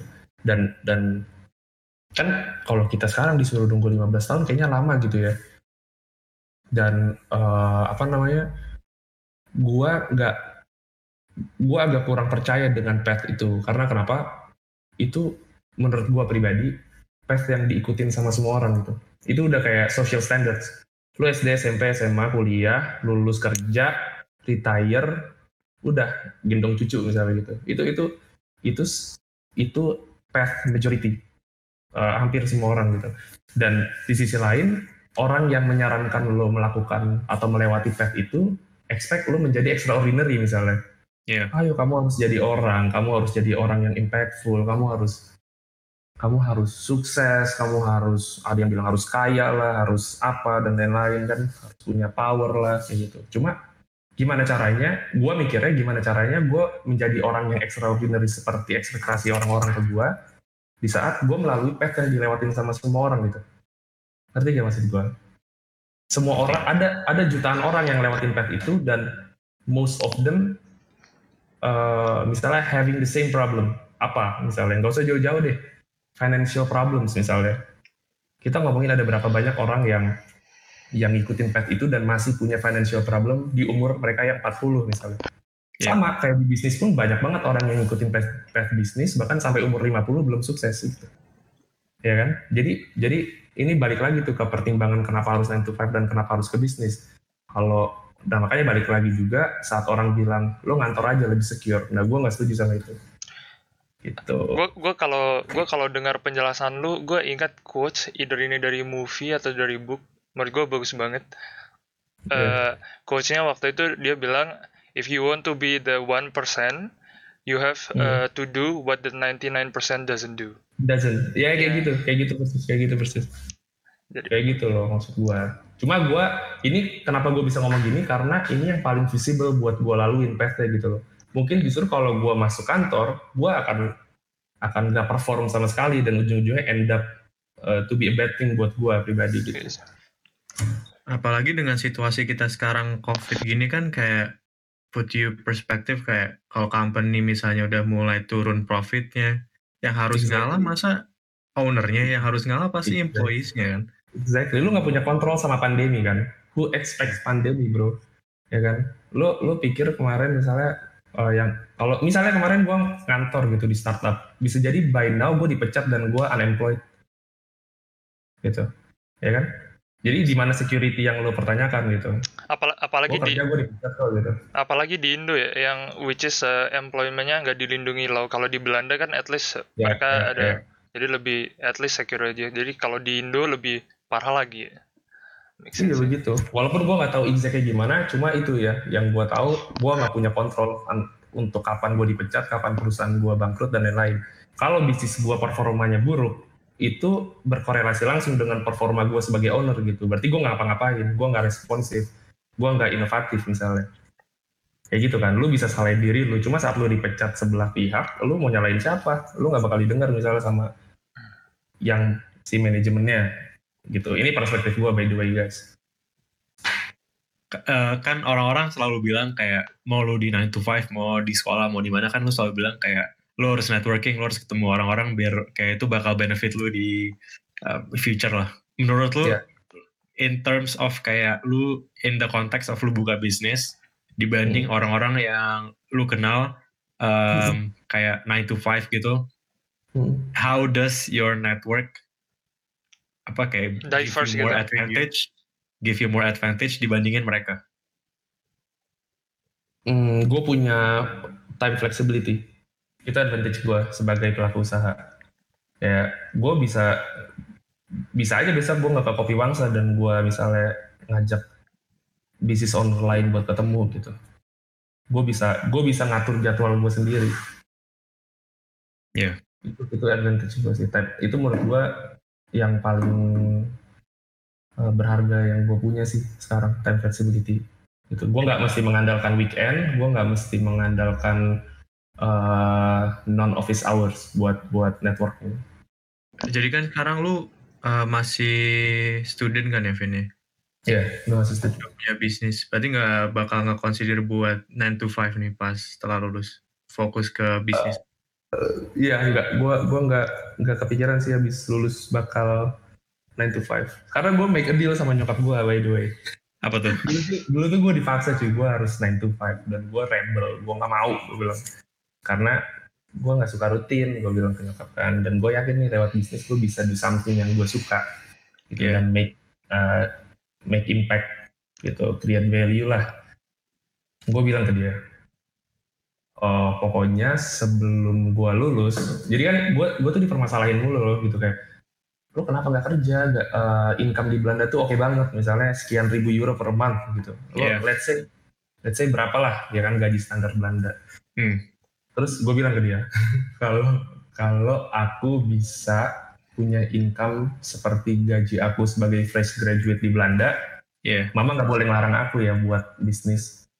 Oke kata dia, deal, deal ya, deal, oke deal. Udah gue kejar bro itu. Makanya sekarang gue belum lulus kan, karena gue perlu waktu. Sebenarnya itu itu nggak secara langsung gue tunda kuliah gue, cuma Tapi itu good gua- excuse deh. Ya, ya, karena karena gue jadi punya prioritas kan, anjir, Iya. gue belum punya income setara dengan gaji orang di Belanda nih, gitu. Hmm. Dan dan gue masih harus punya setoran lah yang buat kejar, gue yang harus gue kejar gitu. Makanya gue coba bisnis, belajar, berproses, berproses, berproses, sampai akhirnya, wah udah cukup nih Nyet. Oke, gue lulusin kuliah gue. Tanggal 3 Februari gue sidang, doain ya guys. 3 Februari Iya. besok. Iya 3 Februari besok, dua mingguan lagi. Seminggu hari lah. Cuma udah sekarang karena karena gue make deal sama nyokap, ya udah dia udah nggak bisa uh, nyuruh gue lagi buat 9 to 5. Bahkan sekarang dia suka minta uh, advice dan lain-lain. Dan itu rasanya seneng banget men. Oh, jadi itu. Targetnya udah tercapai tuh. Alhamdulillah udah. Tadi targetnya sepertiga kan? Tadi target. Sepertiga. Sepertiga, sepertiga kantor gue Den. Coffee shop dua per tiga. Ah, tadi gue dengarnya sepertiga Mohon maaf ini hostnya udah hilang dari tadi ya Pak. Tolong, tolong. Itu ukuran kantor saya. Enggak tadi gua, tadi gue dengarnya eh, sepertiga gaji orang di Belanda.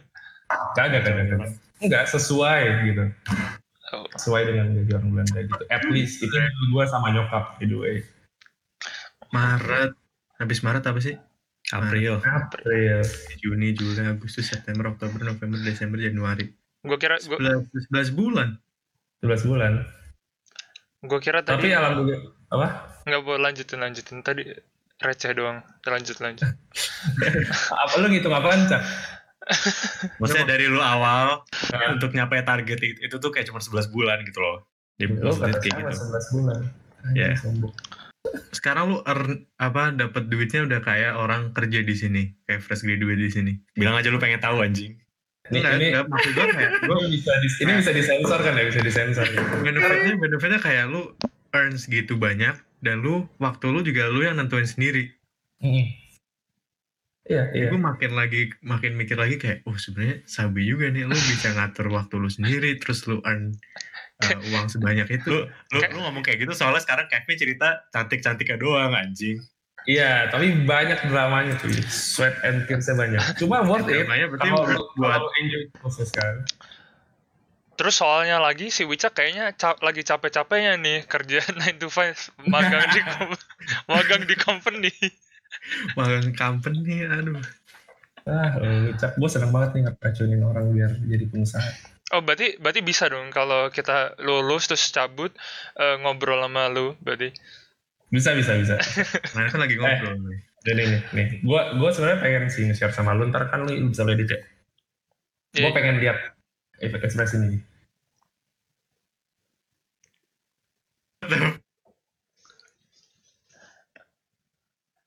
Untungnya yang months. untungnya yang mana? Untungnya mana, Ben? Yang yang yang ini. oh, ya, oh, ya, oh ya, eh ini kan videonya nggak kelihatan. Ini basically uh, Kevin barusan ngasih lihat di video call nu apa ya nu numeric value-nya ya kenceng lah kenceng kenceng. Uh, jadi jadi gini, gue gue mau tanya nih, kan persepsi orang-orang kan bisnis banyak duit segala macem, soalnya trendingnya kayak gitu. Gue mau tahu dong kayak sebelum lu sampai di titik ini, yang lu udah build, yang eh, selama ini berapa lama kegagalan lu bisa diceritain nggak kayak dari, dari awal? Uh, jadi misalnya dari SMA aja lah ya, gue bangun bengkel gitu bangun bengkel berangkat ke Belanda gue jual bengkelnya stop dong.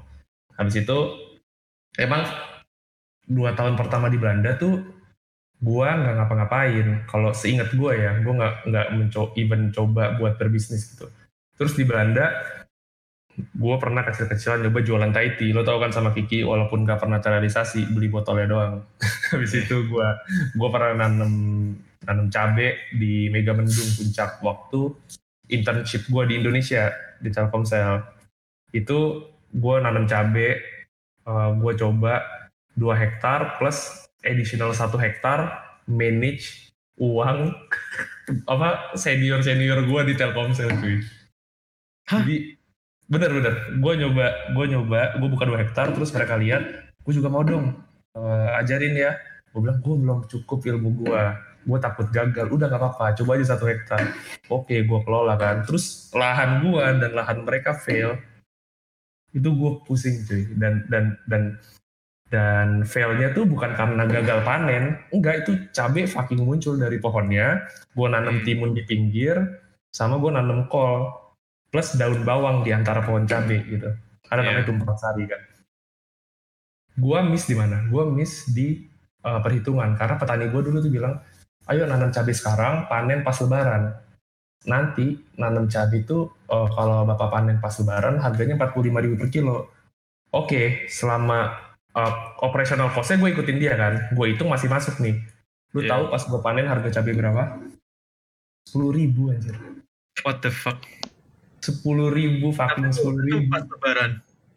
Jadi... Bener pas lebaran, cuma cuma semua orang ternyata panen pas lebaran, kata petani gue.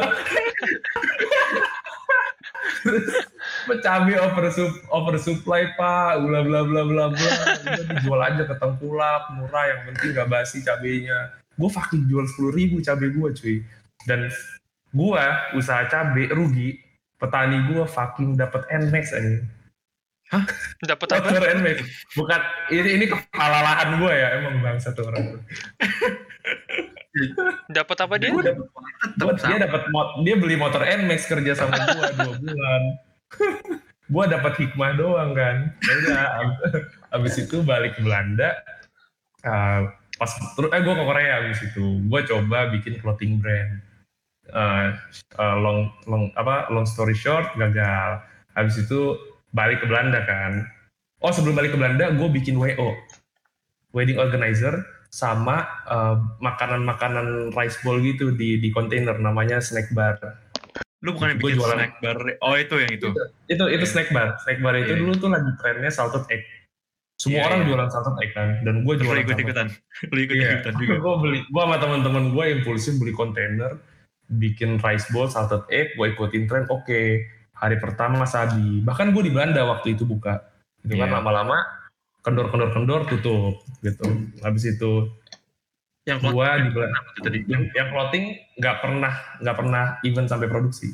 Karena terlalu terlalu banyak details yang kita pikirin karena kurang responsif dan dan uh, apa kurang apa ya kurang kurang pokoknya ternyata kurang mateng. planningnya kurang, kurang mateng. mateng lah kurang mateng iya kayak gitu. Pokoknya nggak jalan. Akhirnya udah sekarang juga udah kandas Habis itu di Belanda gue pernah bikin game online. Lo inget gak? Oh, inget, rumah gue, gue yeah. biasa bangun jam 12, tuh gue tiap hari bangun jam 7. Yep. gara-gara gue harus online ya kan gue Iya, bikin game iya. online private server seal online gue bikin namanya seal online retro Ini lu gimana cara bikin gua- game? jadi jadi seal online itu kan dulu punya Lito ya kan? Iya, iya. Lito udah bangkrut sekarang di Indo kan salah satu gamenya itu dulu kan ada ada RF dan ada seal online Hmm. Nah, seal online ini tutup, seal online Dito. Apa Dito masih ada ya? Gue gue lupa. Pokoknya seal online Indo tutup. Habis itu, gue bikin lah private servernya. Karena emang banyak private server seal online. Gue cari yang bisa setup gamenya, gue bisa gue cari yang bisa setup servernya, gue cari orang marketingnya, gue cari calon game masternya dan lain-lain. Akhirnya jalan dan alhamdulillah itu cukup cukup profitable buat gue waktu itu karena gue cuma kerja dari rumah dan salah satu apa tangible hasil yang tangible tuh gue dapet mobil pertama gue di Belanda. Lo inget t-shirt hijau butut? Oh, oh my fucking god. Itu t-shirt butut hasil gue bikin game online. Gitu. Boleh gue beli alat-alat DJ-an dulu kan, alat-alat Iya, DJ tuh itu itu hasil gue. Cuma kenapa itu tutup? Karena eh, bisnis ini gue terlalu tergantung sama teknisi gue. Hmm. gitu. Teknisi gue di Surabaya, game master gue di Indo, sama oh sorry teknisi gue di Surabaya, terus tuh dia ke Bali, terus game master gue ada yang di Surabaya lagi, ada juga yang di Jakarta tim gue, terus orang server gue di Jakarta, pokoknya terpisah-pisah lah. Gue nggak pernah bahkan ketemuan sama mereka. Selain sa- ada satu orang doang namanya Faiz, gue pernah ketemu. Uh, itu game sering banget error dan gue nggak bisa benerin itu kan. Itu itu di situ terlibat apa uh, ngoperasiin Navicat, apa sistem database yang udah tua banget lah gitu. Gue nggak ngerti pokoknya cara update dan lain-lain. Jadi gue bergantung banget sama orang dan orang itu bikin kesalahan mulu saat update, banyak bugs, banyak error, connection timeout dan lain-lain lah. Intinya customer gue pelan-pelan hilang, udah deh kandas habis itu. Udah habis itu gue vakum, gue nggak ngapa-ngapain gitu. Baru sempat bikin wedding organizer, terus karena gue di Belanda juga jadi nggak fokus kan pokoknya mostly yang gagal itu karena gue nggak nggak full time di situ. Gue nggak bisa ngasih full attention gue di situ. Sampai akhirnya gue beraniin diri lagi buka kopi wangsa karena gue yakin gue bisa full time.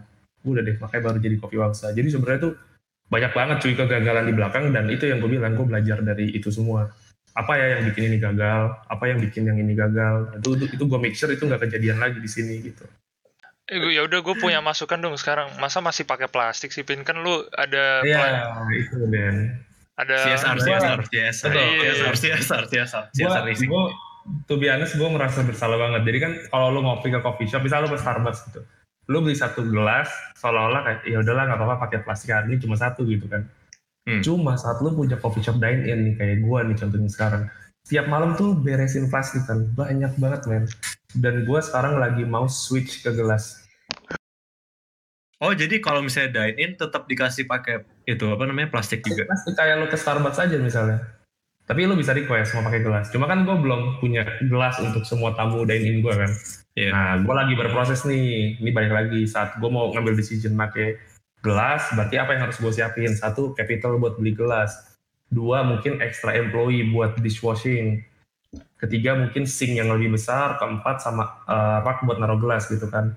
Sedangkan layout gue nih udah layout dine in pakai plastik banget. Jadi gue lagi nyari space, ngakalin buat storage dan lain-lainnya dulu. Cuma gue bakal switch ke gelas secepatnya.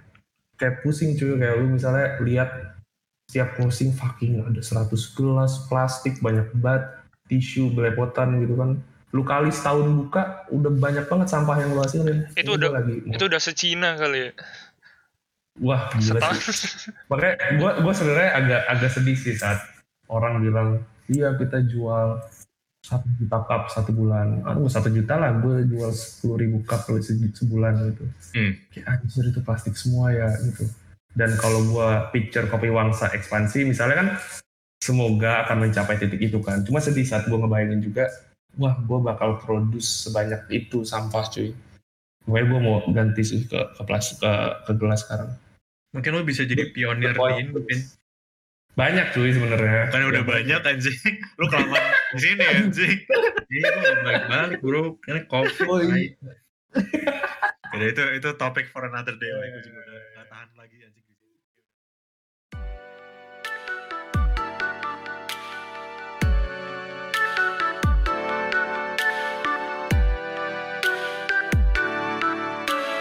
Em, kan tadi kan ya udah udah perfect transition buat kayak um, advice buat orang-orang kayak Wicak yang mau jadi future business Iya, owners bro. apa aja Vin?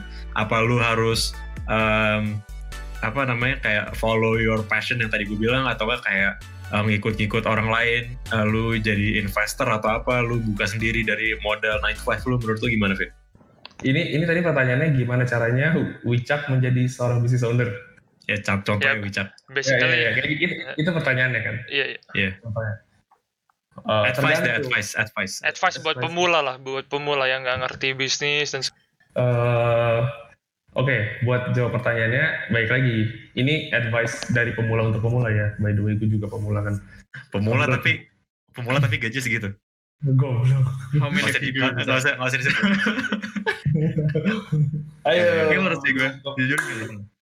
Oke, jadi jadi eh, misalnya menurut gua hal pertama yang lu harus tahu itu apa yang lu suka, gitu kan. Dan kedua dari apa yang lu suka, lu cari tahu bidang apa yang kira-kira nggak bikin lo cepat bosan, yang bisa lu yang bisa bikin lo berinovasi terus dan lain-lain. Habis itu lo tahu kapasitas lo, kapasitas in terms of misalnya access to capital, Mhm. atau access to uh, power misalnya dan lain-lain gitulah. Uh, kenapa? Karena misalnya anggap lu punya fucking satu T di rekening lu, terus lu Hmm. lu jualan nasi uduk gitu di di, Iya. di di depan ruko misalnya, not even di rukonya. Menurut gue itu kan itu salah kan? Lu lu melakukan bisnis tapi itu menurut gue jauh di bawah kapasitas lu. Iya. Nah, misalnya lu lu tahu lu punya capital sekian atau lu even punya access to capital, lu gak harus punya uang ya. Lu bisa bikin bisnis plan dan lu propose itu ke investor misalnya. Itu kan bisa juga. Nggak nggak melulu harus pakai uang lu misalnya. Dan dan saat lu tahu kapasitas lu, tinggal lu sesuaiin eh, skala bisnisnya, industri bisnisnya, plus yang lu suka gitu. Menurut gua sesimpel itu aja sih. gue punya pertanyaan nih. Sorry Apa? sorry. Oh lanjut deh, lanjut dulu. Gue gue takut apa-apa, lupa. apa-apa. Tadi Oh, kan gitu. lu tadi Eh, kan lu apa-apa. Tadi kan lu bilang nih sesuaiin kapasitas lu. Mungkin lu bisa propose ke investor. Kan gue pemula nih. Kan gue nggak ngerti Hmm. investor maksud lu gimana? Gue harus ke mana? Hmm. Nyarinya gimana? Dan gimana gitu? Iya benar. in- investor in this case itu bisa siapa aja ya lu jangan ngebayangin saat gue bilang investor tuh harus orang yang naik Ferrari random guy in a random bar gitu kayak lu itu bisa dimulai dari teman terdekat lu bahkan bahkan mungkin misalnya somehow Wicak punya access to capital dan base dan Dennis punya punya a good business plan yang yang yang research dari business plan-nya itu pakai data-data kuantitatif yang legit misalnya lu kirim aja tuh bisnis proposal ke si Wicak lu presentasi ke Wicak misalnya. Karena investor pertama gua itu dari temen gua, sahabat gua pribadi, sahabat gua sendiri. Dan gua nggak pernah expect itu, gitu. Tapi Dan- obviously lu harus nyari investor yang lu bisa trust kan. Betul, betul. Dan dan by the way di di next project gua, gua pakai investor juga. Itu dari temen deket gua lagi, Beda. gitu. Eh, Beda orang, beda orang. Boleh dikasih bocoran dikit gak di sini? eh ada lah, nanti gua kasih tahu. Pokoknya Oke oke. project project kedua ini gue pakai investor eh, teman terdekat gue ada project satu lagi F&B juga itu pakai investor lagi itu dari teman adik gue poin gue adalah lu gak usah pusing-pusing nyari investor ke, ke ke bar ke klub mewah dan lain-lain ke pejabat atau ke pengusaha besar. Dari circle sekitar lu aja lu bisa nanya adik lu nanya kakak lu nanya bokap lu nanya teman bokap lu dan lain-lain gitu. Lu start small. Jangan lu expect lu nyari investor lu nyari satu T nggak bakal ketemu nyet gitu. Jadi um, bottom line kayak menurut gue untuk nambah poinnya Kevin kayak orang-orang tuh selalu ngira kayak atau mikir oh investor tuh orang yang uh, milenial atau triliuner di Indo. Tapi sebenarnya Iya, kalau iya, if you actually kayak look around orang-orang around us tuh sebenarnya pada punya duit juga Pada- kok. Maksud gue pada as long as lu punya ide, lu punya bisnis Iya. model yang bagus, lu bisa percaya sama orang itu ya udah. Itu udah good business menurut gue. Ditambah Hmm. lagi kalau misalnya lu 9 to 5 kan ya option lu lu datang jam 9, lu pulang jam 5, jam setengah 6 lu digaji ta- tiap tanggal Iya. 31. Tapi kalau misalnya lu buka bisnis sendiri, ya lu bisa decide semuanya itu sendiri. Ya pasti awal-awalnya em, struggle lah pasti itu itu nggak bisa di-deny tapi kayak the rewards yang lu bisa dapat kalau misalnya itu sukses ya itu baik banget. Tapi menurut gue. Vin ada pertanyaan da- dari gue kan tadi lu bilang kayak em, kalau misalnya lu mau buka bisnis ya udah buka bisnis aja kayak kecil-kecilan lu bakal dapat pelajaran juga kita umurnya baru 20 something lah maksudnya it's the time to make mistakes tapi obviously kan harus ada apa ya kayak thought behind whatever decisions that you make. Menurut mm -hmm. lu kayak misalnya lu belajar dari YouTube atau dari buku atau apa yang menurut lu kayak ini nih gue dapet banyak banget knowledge yang legit dari source ini. Menurut lu apa? Yeah. Uh, buku sih, buku buku itu ngaruh banget karena uh, menurut gue ilmu yang gue dapat dari buku itu nge-accelerate gue banget saat gue bermanuver di lapangan gitu dari cara boleh dimention nggak buku ya boleh, boleh, boleh. Iya, name the book uh, dong. Okay. Uh, bukunya ada tiga nih, buku favorit gue. Ini sebenarnya udah gue bikin videonya di Instagram Kopi Wangsa. Ada tiga bukunya. Satu, Good Profit. Iya. Yeah. Judulnya Good Profit. Dua, How to Win Friends and Influence People. Oh my fucking god, ya. Yeah. Terus? Ya, lu tahu buku itu gak? Gue udah kasih buku itu ke Wicak dan gak pernah dibaca. Serius nah, lo? Itu bagus cak, lu baca cak sumpah. Itu itu keren banget cuy. Terus satu lagi itu How to Increase Your Financial IQ. Oh, gue nggak tahu tuh buku itu. Itu itu bukunya Robert Kiyosaki yang bikin Rich Dad Poor Dad, tapi oh, okay. buku, tapi buku lainnya gitu. Iya, yeah, yeah. ya. Itu itu itu tiga buku yang accelerate gue banget sih menurut gue. Gitu. Terus kayak tadi lo juga nanya no ya, apa uh, lo harus cari investor yang apa lo bilang? Trust ya, trust. Trustworthy. Iya, itu ya, itu trustworthy. Dan dan menurut gue lo cari investor yang bisa bring value juga sih. Nggak cuma Jadi, uang maksud gua. Ya, not necessarily orang yang punya 100 triliun juta dolar itu enggak, enggak, bakal jadi apa investor yang paling benefit lu paling banyak, tapi bisa aja dia nggak, misalnya dia cuma ngasih duit dong, tapi dia nggak peduli Iya, dia, business dia, gitu. dia, iya, iya, dia cuma ngasih duit terus dia expect return dan lu ditagih yeah. cuma return, return, return gitu. Maksud gua uh, basic dari so, dari investor itu kan capital itu udah pasti investor punya capital gitu. Cuma yeah, yeah apa yang lain selain capital yang bisa dia kasih gitu. Resource timnya atau kapabilitas riset dia atau access to power dan lain-lainnya gitu kan.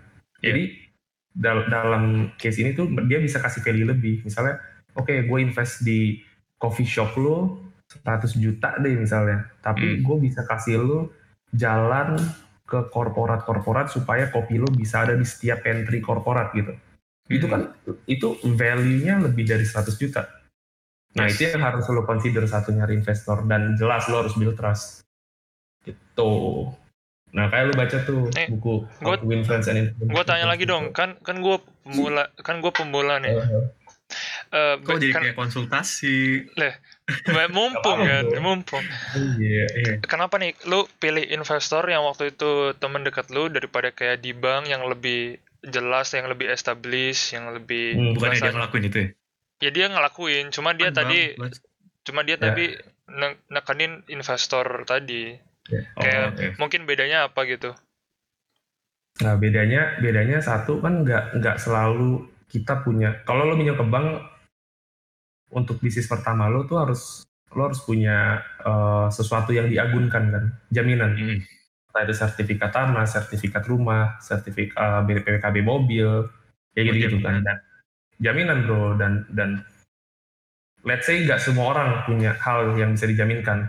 Bahkan mungkin oke okay, lu punya rumah buat dijaminin, tapi apa nyokap lu mau ngasih sertifikat rumah lu buat usaha lu gitu? Belum tentu kan.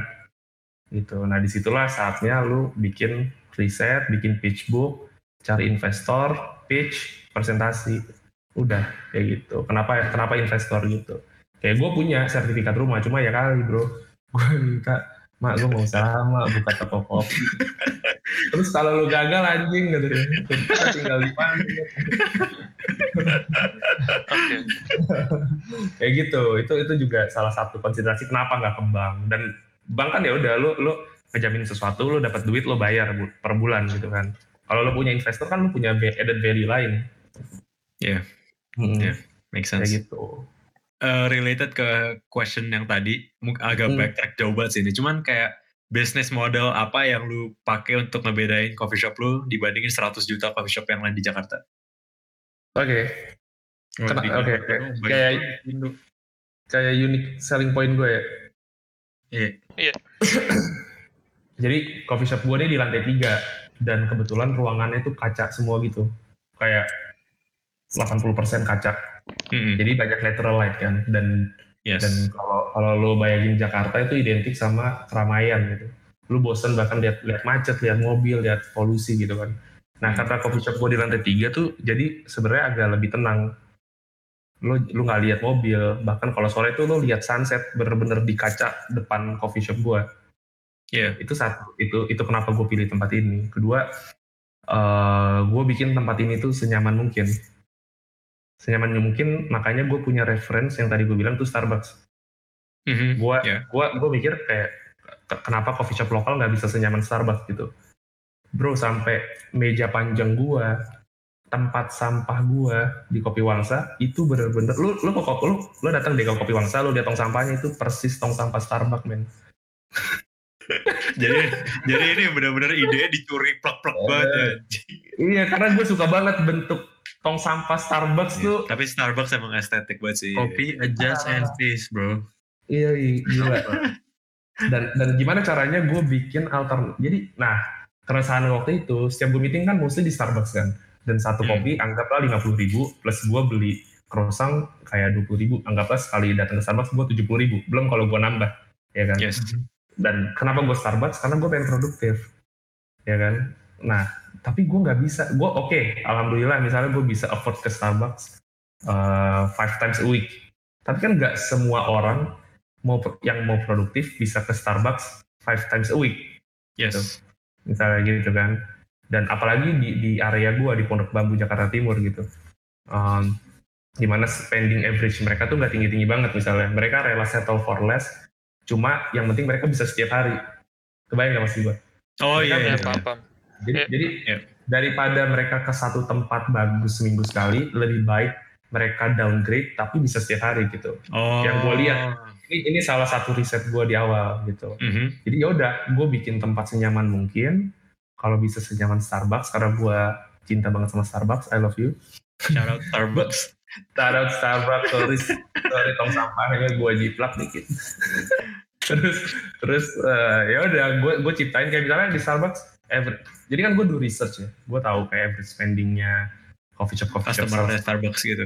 ya customer Starbucks tuh sukanya apa terus average spending mereka misalnya berapa gitu misalnya gue tahu somehow ya gimana caranya gue tahu average average spending di Starbucks sebelah jadi sebelah sebelah kopi wangsa tuh ada Starbucks bro. Beda dua ruko.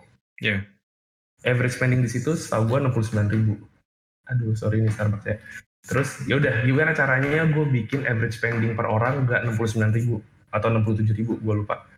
Oke gue bikin average spendingnya empat puluh lima ribu di kopi wangsa. Makan sama minum ya udah gue capai itu alhamdulillah marketing gue tuh effortnya dikit banget dan ini tumbuh secara organik gitu karena satu gue menyelesaikan masalah orang yang awalnya masalah gue gue nggak mau spend banyak-banyak untuk produktif setiap harinya dan gue mau buka laptop di situ punya colokan dingin kopinya enak misalnya dan yang murah gitu ya udah gue bikin ini kopi wangsa udah gue bikin alternatifnya buat mereka tapi tetap orang ke Starbucks karena mereka punya punya market sendiri kan Iya. dan iya. gua reach out market mungkin yang sedikit di bawah lebih itu di bawah itu atau bahkan sama yang mau spend less aja buat kopi Iya. gitu gue sediain wifi gue sediain colokan hampir di setiap tempat duduk gue make sure semua kursi di kopi wangsa yang indoor itu ada busanya because that's what Starbucks does ada busanya semuanya kursinya gitu kan itu itu itu dilakukan for a reason gitu Yep. kayak hal-hal detail itu yang gue ambil yang gue pelajarin Gue tadi mau tanya sesuatu, gue jadi lupa anjing. Fuck. Udah Kayak kali lo lupa lo Kayak Eh, penting gue recap kali ya. Tadi yang apa advice lu? boleh Yes. boleh Jadi pertama, Oh, gue Ya, mau gue dulu dong, gue biar- mau ngomong, lu, gue lu mau bilang, ngomong. tunggu, tunggu. Gue mau ngomong. Kira kira Dennis ngomong dulu pasti masih ingat. Dennis ngomong dulu pasti Iya, masih iya, ingat. Terus lu iya. pakai recap. ya, ya. Jadi kalau dengar-dengar Kevin ngobrol itu, gue mikir kayak ternyata ternyata di ternyata di Belanda tuh menurut gue bahaya anjir. Lu kayak lu kayak bentar, lu kayak kerja, lu tahu gajinya gede. Terus lu kayak ngerasa nyaman gitu loh. Jadi kayak mimpi-mimpi lu mulai ngemulai bisnis itu jadi kayak ah enak deh kayaknya di Belanda. Tapi setelah denger Kevin dan em, kok lu ketawa gitu sih? Terus lihat kopi doang gitu. Iya, terus lo lihat eh, perjuangan dia, terus lihat hasil dia itu kayak lu bikin ngebuka pikiran lu kayak anjir kayaknya mending gue bisnis lagi deh. Jadi menurut gue, menurut gue eh, kalau gue bisa ambil kayaknya comfort zone bahaya sih, apalagi di Itu Belanda. bahaya. Itu bahaya men Iya sih. Di mana pun sih sebenarnya. Untuk case lu mungkin ya Belanda. Gitu. Mau nambahin lagi lu? Enggak sih. Jadi gue grateful aja bisa ngobrol sama business owner. Gila. Gila, gila, gila. Business owner belum lulus ya? Masih mahasiswa sama kayak lu. Kan 10 hari lagi lulus. Oh iya, amin. Bener-bener. Gua recap ya. Uh, jadi pertama kayak assess your apa your capital kan tadi kan. Nggak mesti Capabilities. Capital ya ya capabilities kayak apa namanya? Lu ada akses ke kap- eh, kapital mana atau kapital yang punya eh, yang lu punya sekarang. Hmm. Jadi kalau misalnya nanti lu punya bisnis nggak terlalu kecil tapi sesuai sama kemampuan lu. Ya, eh, secara capital dan kemampuan lu ya dalam bisnis kayak intellectual knowledge dan lain-lain maksud gua. Ah oke terus eh tadi gue dapetnya kayak mulai bisnis tuh nggak nggak mesti passion lu, tapi kadang juga bisa nyari bisnis yang eh, ngatasin masalah lu. Betul, betul. Tadi kan lu da- tadi awal bilang kayak lu nggak mau masuk kayak food and beverage Ya, ya. dari awal lu bilang. Iya, Terus benar. ternyata lu sekarang di bisnis food and beverage kan, karena Iya. masalah lu tadi itu. Jadi gue selesai masalah gua sendiri. Ya kalau lu bikin bisnis nggak mesti tentang passion lu, tapi bisa mungkin dari masalah lu atau Masalah orang lain. masalah orang lain. Uh, Gitu nah, sih. satu, sorry Cak, gue mau nambahin satu lagi Cak. Jadi dalam bisnis juga, uh, lu jangan pernah kejar uang menurut gua. Well, lu bisnis buat cari uang gitu. Cuma saat lu terlalu fokus sama uang dan lu nggak ketemu si target itu, misalnya lu bakal kecewa pasti kan. Cuma Mhm. uh, gue ngerasain saat gue bisnis buat nyari duit itu, gue nggak kena kena tuh target gue. Cuma saat gue switch dari make money to creating value, di mana gue solve my own problems dan ternyata itu problem banyak orang juga, itu money jadi bonusnya cuy. Karena orang rela bayar untuk masalah mereka yang diselesaikan. Sesimpel gue menyelesaikan masalah mereka, coffee shop nyaman, harga murah. Gitu. Udah money is the bonus. Yang penting masalah mereka selesai kan. itu itu ada itu ada buku ya tuh itu Iya, tentang poin itu. Betul, Ini, betul. ini menurut gue kayak pitfall Lanjut, orang ini kayak pitfall orang-orang yang pengen mulai bisnis juga kayaknya karena stigma sekarang orang-orang bisnis kan eh, duitnya banyak dan segala macam akhirnya mereka fokusnya lebih ke eh, uang Ya, tadi. ikutin tren Iya. nggak sustainable menurut gue Jadi unik sih. Kalau orang-orang mulai bisnis kopi karena trennya sekarang pada senang ngopi, kalau si Kevin buat eh, ngefix problem kantor dia kegedean, terus eh, gue eh, nongkrong pindah-pindah iya nongkrong pindah-pindah bisa bisa. Oke oke. Kalau tren kan berubah-berubah kan namanya juga tren. Kalau value kan namanya value ya stick Iya. aja kan. betul betul, betul. Gila. Sa- Pintar juga lu, Cak. Kayaknya jadi bisnis student Iya. juga nih. Sekarang gue mulai nge-consider apa namanya? eh, buat 9 to 5 atau mau bisnis nih. Gue mulai nge-consider lagi. Menarik ya. Lu, sabi sabi lu, lu, lu dari tadi tuh nanya Kevin as if kita kayak baru apa kayak kita bakal interview sekali ini doang. Lu punya nomor HP dia anjing. iya Enggak, tapi maksud Lu bisa nanya dia ya, kapan aja, Pak. Buat buat preliminary research gue kayak oh nih ah Sabi nih. Anjing. boleh boleh boleh Eh jadi jadi gimana nih Researchnya banyak. Jadi Ayo, Wicak, bisnis. Sekarang. bisnis student gimana nih recapnya udah selesai atau ada lagi nih?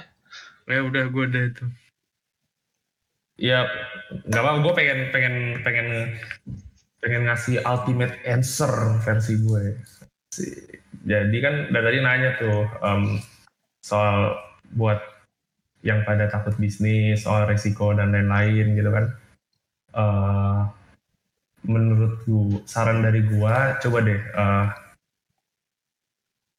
apa jangan jangan satu jangan takut jelas. Kedua gue baca di buku. Jadi kata si buku itu tuh eh, kalau jadi kan bisnis itu kan about projecting futures projecting trend eh, terus apa finding out what your customer values and finding out what they will values in the future gitu kan. Yes. buat bisnis lo sustain gitu. Dan dan dalam bisnis eh kalau kita jadi kan making projection itu salah satu langkah supaya kita tetap sustain dan make sales lah in case eh, di case gua Eh, kalau kalau bisnis punya spesifik formula untuk sukses atau untuk predict the future gitu kayak misalnya A tambah A sama dengan bisnis sukses gitu. Ya. kalau misalnya ada formula kayak gitu uh, the value of entrepreneurial activity would be eliminated menurut gua. Nggak akan ada lagi entrepreneur dan dan dan nggak ada nggak ada poinnya gitu. Maksud gue jadi jadi nggak seru dunia bisnis. Justru menurut gue managing risks dan facing problems itu art of doing business. Apalagi kalau lo suka lo bakal enjoy itu. Jadi kalau lo pengen bisnis gas terus. Yang penting prepare do research and execute it good